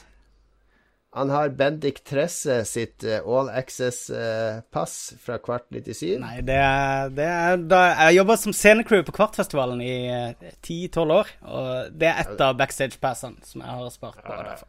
Ja, det står Tresse Bendik. Ja, det er Tresse og Bendiksbukta. Det er to Ah, steder okay. i Kristiansand. Ah, nettopp, nettopp. Og så er det en eller annen uh, singel, ser det ut som, fra Single? en ramp. Eller er det en bare reklameplakat? Uh, Davilla ramp. Nei, Det vil. Det er den uh, første skatesjappa i, eh, i Kristiansand. Og det du ser der, er en manual på åssen du bygger ramper. Så inni der er det massevis av sånn detaljerte eh, tegninger for, eh, for rampebygging. Og vi bygde mye skateramper da vi var små, og stjal materialer fra hele nabolaget. Så, så det var litt gøy at hele, hele samfunnet var med, liksom hele community var med og, og bygge rampe sammen med oss. Veldig fett. Yes. Det er et program fra Roskildefestivalen 96, der du var også Bjørk og David Bowie og Sex Pistols. Ja, jeg så, jeg så 26 band det året på Roskilde. Jeg løp som en gal. Eh, folkens, sjekk opp Roskildefestival 1996-programmet. Det er helt idiotisk spekka med kvalitet. Det er også et eh, 98-program der. Det ser, ser det, det er et fotografi av noen soveposer, ser det ut Ja, det er beina mine. Det er fra Roskilde 96. Det var et bilde jeg tok inni i teltet mitt. Det ser ut som Eh. bilder av sånne her, eh, folk på Oslo S som driver og tar narkotika, egentlig. Yes, det var, det var sånn cirka det, sånn det var. Jeg gikk, vi var der i eh, Jeg tror vi var der i ti dager, og festivalen var vel i fire. Eh, og What? Ja, så vi bodde bare på teltplassen der. Det er ganske vanlig å gjøre på Roskilde, da. Um, Hm. eh, jeg var ikke Tingen var at alle doene der var så overfylte at det ikke gikk an å drite noen steder på Roskilde det året. Så jeg gikk og holdt meg i seks dager før vi gikk til sentrum for å gå på do. Jesus Christ. True story. Også- Jeg måtte faktisk, i den outfiten der som du ser på bildet, måtte jeg strippe i tolla, obviously. Eh, det var de ikke så veldig fornøyd med. For det var alle klærne jeg gikk med i ti dager. Oh, Jesus. Disgust. Ja, det var nasty. Jeg ser også noe som ligner på en snusboks. Uh, nei, det er, det er eh, faktisk Slimeballs uh, skatehjul, bare. Som er sånn litt sånn uh, legendarisk brand, da. For folk Ja, ser det er her? Blir du å legge det her ut? Uh... Ja, ja. Poenget med denne spalten, Lars, er jo at folk kan gå på nettsida vår mens de hører på på Facebook-sida Ah. vår, og se dette bildet sammen med oss. Okay, okay. På nettsida vår på, eh, Så det her ligger i på lolbua.no, eller Nei, på Facebook. Facebook. Facebook? Ja. Klipp bort. Hvorfor ligger det ikke På på, Antorasje? Det er jo Jeg legger det ut der hvis du vil. Ja, det vil. Eh, det er en kassett med Ministry, piratkopi. eh, Det var jo mixtapes, det lagde vi jo masse av før i tida. ja, ja, det var, det var lov, det. Og så er det en klokke, en uh, medalje, ser ut som tyske vet det. Er, er en gammel fotballmedalje fra da jeg var veldig liten. Uh, Det var en turnering vi vant, tror jeg. Og så er det en diskett med Kyrandia og Tentacle. Det er Ikke plass til så mange spill. Nei, det er bare save games. Så det, det er eh, Laura Bow 2, mener jeg å huske. The Dagger of Amon Ra. Og så er det første Kyrandia. Day of the Tentacle og det første Gabriel Knight, Sins of the Fathers. Det var litt kul diskett å finne. Ja, absolutt. Og så ser jeg jo også en uh, det, det, er klar, det er en sånn del av et skateboard, det som ligger forrest. Ja, det er en trøkk Sånn som har knekt. Tver, Tverrstanga. Ja. Ja. Sweet. Eh, det får holde, det. Jeg syns det var et fint eh, det, eh, Sommer handler jo ofte om nostalgi og tenke tilbake på barndommens eh, Det er fordums sommer, Ja, det som var når man var barn. Så jeg syns det var en fin løsning på oppgaven, Takk, takk. eh, til tross for Ja. all pepperen vi har Ja, gitt. du, drev og, du følte at du måtte gjøre noe mer, men det her var jo mer enn nok. Det her var jo genialt. Ja, så eh, fett. Magnus. Det setter jeg pris på. Absolutely. Jeg har, jeg har lagt inn i chatten, Magnus, eh, Ja. link til video. Eh. Hvis du kan vise den i, i Twitchen, så er det bare helt vilt. det etter hvert. Sommeren 2017 har endelig varma seg opp for første gang på flere uker i Harstad, når jeg selvsagt skal reise til Polen, der det er meldt regn, regn og regn. Noen spill ekstra til Switch blir da installert, før man sier tidlig farvel til Destiny 2, BTN, Lolbua og venner. Vel, noen venner blir med helt til Oslo før vi sier ha det til dem også. Ha det bra. Fremme i Sopot i Polen er det som forventa søppelvær, som får selv Jesus til å henge med hodet. For vi går innendørs til kirke og restauranter, og Jesus, så mye bra mat det er i Polen. Litt brettspill får vi tid til før det endelig blir fint vær, og vi selvfølgelig skal videre til et helt annet sted. Hallo, Sverre og mamma, 70-årsfeiring. Forresten, har du vært innom en stor matbutikk i Sverige når du skal feire noe? Hallo, glem veistandarden, det er jo matbutikkene som er helt vill. Jeg og min bror får nerda bitte litt på turen, bl.a. med Firewalk With Me, som fremdeles ikke er noe bra. Vi drar til Skånes dyrehage, som er helt fantastisk, med null løver og null krokodiller og null elefanter, men med masse bjørn, elg osv. Og så litt Ikea, da. Ikea er verdens beste butikk. Ikea, Ikea, Ikea. Malmö byr på herlig dønerkebab og en kunstbutikk der de har masse greier av en DC-illustratør. Kun 12 000 kroner for signerte Supermann- og Batman-greier. Oh, baby, so much want. Tja, da er det på tide å dra hjem Sweden-style. Ragga på. Rom, rom, bitches. Og det var Lars sitt bidrag. En 1 minutt og 38 sekunder lang eh, film om eh, din ferietur til Polen og Sverige. Det var bra, Magnus. Ja, det var superproft. Det var reneste PewDiePie. YouTube-ekspert extraordinaire Lars Rikard Olsen. Jeg merker litt alderen, da. For hvis du ser disse yngre folka som lager YouTube-videoer, så snakker de dobbelt så fort, og så er det litt mer, enda mer sånn hektisk klipping med masse disse bitch, Og og sånn geit som kommer på skjermen, og litt mer sånn memes som skulle dukka opp. Det er sant. Det er ja. sant. Men jeg, ja, men jeg syns det funka, jeg, altså. Jeg er imponert, uh, Lars. Tar selvkritikk. Uh, var... Beste til nå. Nei, men det var stemningsfullt. Altså, jeg tuller jo. Det var veldig stemningsfullt. Uh, litt sånn uh, ærlig, og du var deg sjøl. Det var din lune humor som, som skinte gjennom her. Takk, takk, takk. takk. Nei, det men Jeg driver og tar opp masse drit hele tida, så det er jo bare Man får jo ikke brukt det på noe vis. Alt det man tar opp på av video og av bilder, det jo, går jo bare stort sett i et hull i bakken Altså, kanskje du legger ut noe på Instagram hvis du gidder, eller på Facebook, men det gjør du gjerne ikke. Så, Nei. ja. Jeg følte at jeg hadde sett 80% av det før, for du har delt 80% av det her i vår interne Harstad-chat ja. med gamle Harstad-venner allerede. Ja. Der det slo meg at du var, du var helt sånn overvelda over hvor bra matbutikker de hadde i Sverige. ja. Bare, ja, sånn har de ikke i Norge, og sammenligner du med Rema på Seljestad. Jo, men liksom, finnes det så mange eh, butikker med to ferskvaredisker med sånn der eh, smørbrød 50 smørbrød dekt på på Coop-en i Oslo, liksom? Er det helt standard? Nei, det, de ruler på det i Sverige. De gjør det. De er glad i reker, majones, dill, sånne ting. Ja, det var vilt mye reker. Nei, jeg var mm. superimponert. og bare Tenk å se og bare 14 oster, eller ikke 14, det er sikkert 140 oster. Bare Nei. Fra 14 til 140? Tigangen. Veldig, veldig lite vitenskapelig. Ja, 14, uh, hvor, hvor, mange mennesker så du? Nei, det var 14. Var det så få? Ja, ja, si, si 140, da! ja. Hvor mange vil du si det er live akkurat nå på Twitch-kanalen vår? 700. Yes. Eh, godt uh, godt gjetta. veldig, veldig godt uh, bidrag. Mitt bidrag kan dere kikke på nå, det ligger i chatten. Det er uten lyd, så du trenger ikke å stresse kan du legge masse. Det opp? Ja. Jeg kan godt fortelle, bare kjør i gang. Det er uh, Da starter vi. Sommeren i år så bodde vi, var vi med og svigerforeldre og svigerbror og svigersøster. Vi var fire familier i et fransk, digert fransk slott i en bitte liten landsby som heter Montclou, med 120 innbyggere, eller noe sånt. Ja, vi hadde Det er ganske svært. Liksom seks soverom og like mange bad og svømmebasseng og stue og eh, plass til alle sammen. Så jeg tok bare en sånn Snap-story dagen vi, før vi skulle dra, for å liksom gi et inntrykk av hvordan det var der, og for å klare å huske det. Det var mest for min egen skyld. Og det her var jo der jeg satt og hadde podkast, eh, den utsikten vi ser nå, ja, videre. Du la jo opp bilder så, underveis der, hæ?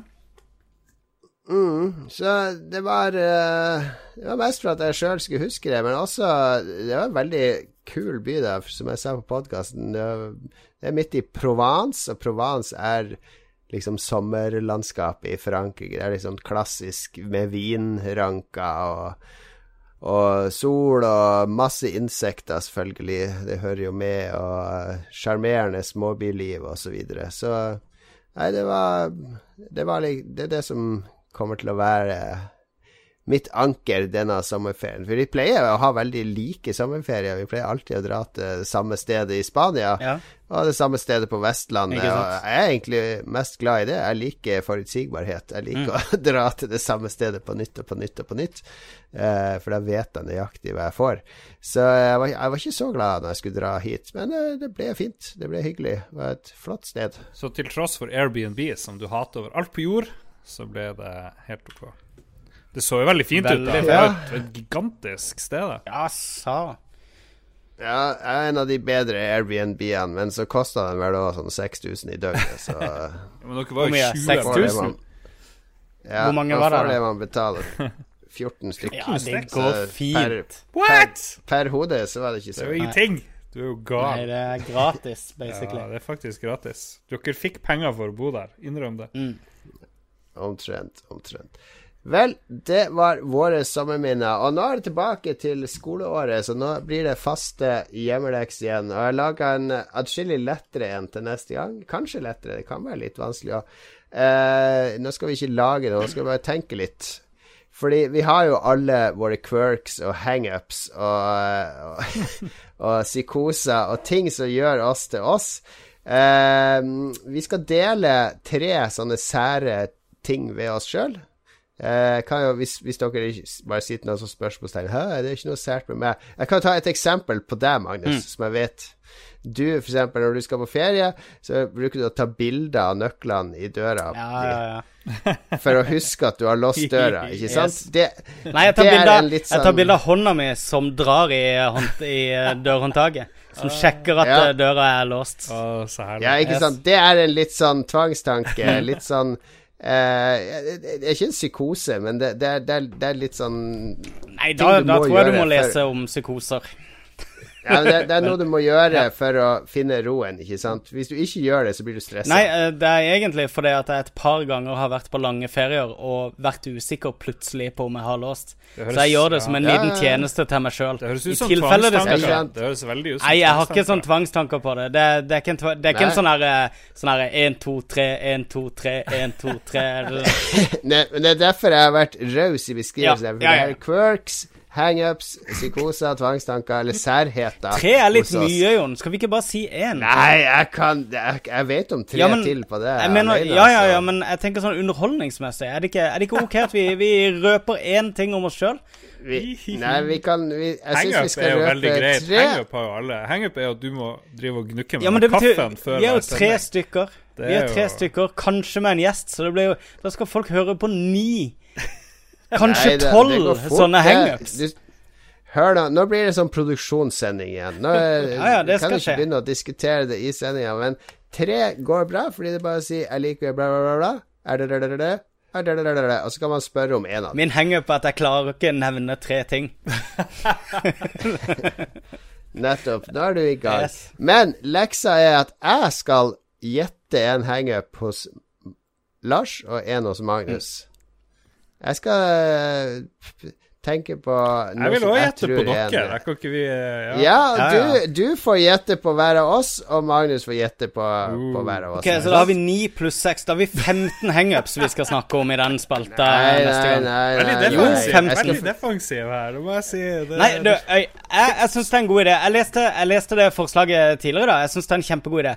Jeg tror vi, jeg tror vi skal holde en, eh, en knapp på at vi holder det litt lystig, for jeg tror det er veldig lett å, å, og eh, eh, synke ganske dypt Jeg- jeg ned i tussmørket. Hvis Man kan velge sjøl hvor dypt man vil gå. Åh, ok. Eh, ok, men det skal fungere sånn her. Nå ble det, det her klipper du bare vekk, for det ble altfor Ja. Ja, men det er produksjonsprat nå.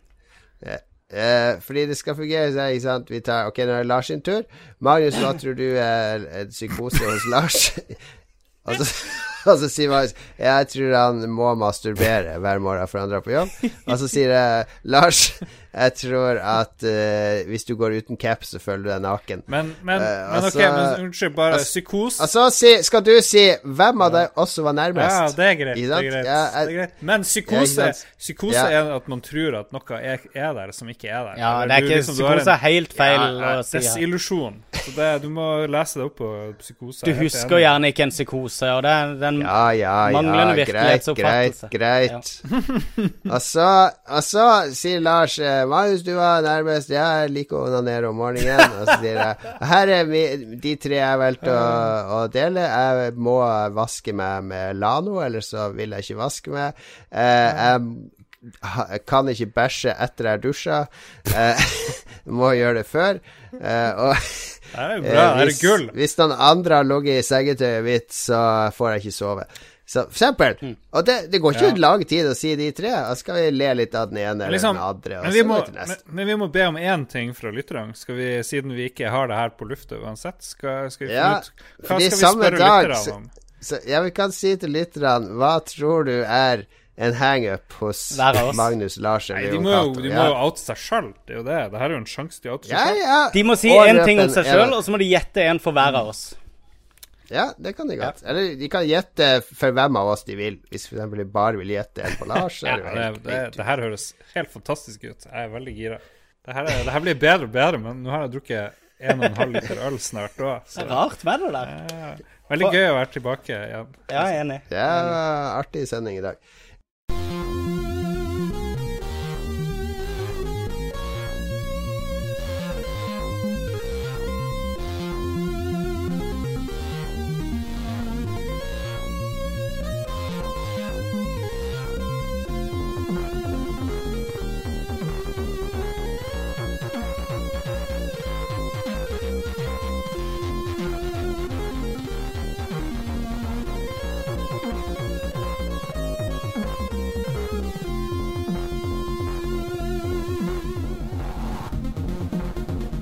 Ukas anbefaling den slipper vi ikke unna. Vi skal fortsette å spre glede i år, eh, selv om det er et dramatisk år for mange. Eh, vi sprer gode opplevelser, og vi prøver også å dele de på Facebook-gruppa, i hvert fall noen av oss. Ja, Selvkritikk. Selvkritikk. Jeg, jeg, la, jeg har lagt ut mine to siste, men vi skal bli flinkere til å legge ut alle sine. Jeg kan også begynne med å anbefale, rett og slett. Jeg har sett en fantastisk gangsterfilm. Eh, det er en japansk film fra jeg tror det er fra 71 eller 73, som Oi. heter Bat 'Battles Without Honor and Humanity'. Eh, første i en serie av fem Yakuza-filmer om hvordan Yakuzaen ble forma etter andre verdenskrig. Er det dokumentar? Nei, nei, det er actionfilm. Er 70-talls action. Er ikke, eh, er ikke Yakuzaen eldre enn etter andre verdenskrig, liksom? Eller, Jo da, den er eldre, men den ble liksom redefinert etter andre verdenskrig, for det var mye fattigdom, mye å utnytte, amerikanere var der, osv. Det er en veldig Det er litt sånn kaotisk film, for det er hele tida masse løping i gate og gateslagsmål. Helt ville eh, Det er ikke sånn kung fu-slagsmål. Det er som sagt battles without honor and humanity, så det bare denger denge løs på hverandre, skyter hverandre. Og Tarantino har lært alt. Alt han bruker i Kill Bill og andre filmer, han har stjålet herifra. Ja, det er sånn der eh, Når han blir skutt og detter ned, så zoomer han inn på det forpite fjeset. Fryser bildet, så kommer navnet og alderen og dødsdatoen sammen med sånn funky musikk. Du, du, du, det er liksom Det er tatt ut fra Tarantino-boka, alt. Eh, veldig kult klipt, laga, eh, tempo Eh, og japanske filmer er ofte litt sånn stilistisk og stille, eh, er det jeg er vant til fra de. De har en litt sånn ro i seg, men det har ikke den her. Den har litt sånn skitten, heseblesende panikk over seg hele tida. Så eh, jeg anbefaler den varmt. Og den har også For de som har sett Kill Bill, så er det jo en veldig kjent låt der, du vet den derre alle har hørt den, er brukt i 100 millioner trailere. Sånn, den der og så kommer det. Ja, den sangen heter jo 'Battle Without Honor and Humanity', som jo er en homasj til denne filmen. Så, så der har du en direkte link tilbake til den. Jeg har sett den på filmtjenesten Filmstruck, som er sånn USA-eksklusiv, med mindre du har VPN og du må abonnere på den og sånn. Men jeg tror jeg googla litt. Jeg tror den ligger hele filmen ute på YouTube. Noen har lasta opp. Så mm. google deg litt rundt, så kanskje du finner den. Så kan du nyte den japanske gudfaren, rett og slett. 'Battles Without Honor and Humanity'. Applaus til ukens anbefaling fra Jon. Cato Lorentzen. Eh, alle de dårlige anbefalingene dine er nå glemt. Nå husker vi 'Battles Without Honor and Humanity' fra Yes. Japan. For en tittel! For en tittel! Ja, perfekt. Ja, hva handler den om? Ja, hva du sa egentlig? Hva faen? Eh, Eh, eh, Lars, du er på Forrige uke så var det badeskum, og her Det skal ikke være negativitet i denne spalten, men selv om jeg er, jeg er på slanker nå, jeg kutta alt godteri Jeg måtte kjøpe badeskum da jeg fant det på Kiwi. Ja. Jeg var ikke så imponert, kan jeg si, men jeg skal Hvordan går det an? Det jo det var, var ikke det det mykeste godtet du har smakt på? Sånn, å, så saft. Så saft. Det er som en- er jo bare sånn masseprodusert rød eh, blanda sammen med masseprodusert hvitt skum. Det er jo Det- ingen det- Alle som var lag med ei dame som var 18 år gammel, og du kjente liksom på, på Jeg tror vi går videre, videre fort. Hva er hva, du, skal, du skal beholde deg innen det kulinariske feltet i ukas anbefaling. Ja, vet du hva? Jeg var på tur ned til Polen her om dagen. Dere hørte kanskje om det. Og så eh, drev jeg og måtte bruke masse tid eh, på jævla Oslo lufthavn, som jo er nyoppussa, og masse, masse restauranter. Mange av de har fått slakt. En av de som har fått eh, mye skryt, var Fiskeriet, som ligger der Yo Sushi lå før. Eh, hvis dere klarer å navigere rett med den derre upper crust. Ja, eh, kanskje. Eh, liksom rundt svingen. Du bør, Det er ikke så farlig hvor det lå hvis du skal ut og reise på Gardermoen og har en time å slå i hjel, så finner du den. Ja, ja, men ok, det, det er en av de få tingene som blir anbefalt av både Aftenposten og VG eller Dagbladet, var fiskeriet og deres fish and chips. Jeg kan ikke huske å ha spist fish and chips, egentlig. Jeg var på språkreise i England i 9. klassen, eller hva det var, da jeg ble 16, fordi da fikk du lov å drikke øl på utestedene, var det noen som sa. Det høres veldig rart ut, men vi fikk lov å kjøpe alkohol da vi var i England. Uansett, fish and chips på fiskeriet. Utrolig godt. Beste fiskemåltidet jeg har spist på lenge. Eh, lett, lett frityrstekt, stort stykke torsk eller et eller annet sånt, med pommes frites, med litt eh, pickles, med litt eh, dip til eh, whatever. There was dip coming out of her whatever. Og det var veldig, veldig bra. Nå må vi stoppe snart. Altså, for de som eh, er på besøk i, eller bor i nærme Oslo sentrum, som ikke har tenkt å ut og reise, så er, ligger fiskeriet også på Youngstorget, og de er også kjent i Oslo for en knallbra fish and chips, for å legge til. Så jeg vet hva du snakker om der, eh, eh, Lars. Jeg er helt enig. Ja. Men, Legendarisk. men meg, meg og mine, et par av våre hyttevenner mener det har tapt seg litt de siste årene. Det er ikke sånn som det var i starten. Nei, jeg, Mulig at uh, jeg kjøper ikke så mye ferdig der lenger. Jeg kjøper, jeg kjøper litt råvarer der, for det er de fremdeles dødsbra på. For folk det- som er så full som meg, hva vi snakker om nå, egentlig? Din, din anbefaling, min venn. jeg, jeg har faktisk spist på fiskeriet på Gardermoen, jeg, og det var, var godt. Og som Magnus sier, det er egentlig en eh, basert på en butikk i Oslo på Youngstorget som også heter Fiskeriet. Hele oppskrifta og alt er identisk der.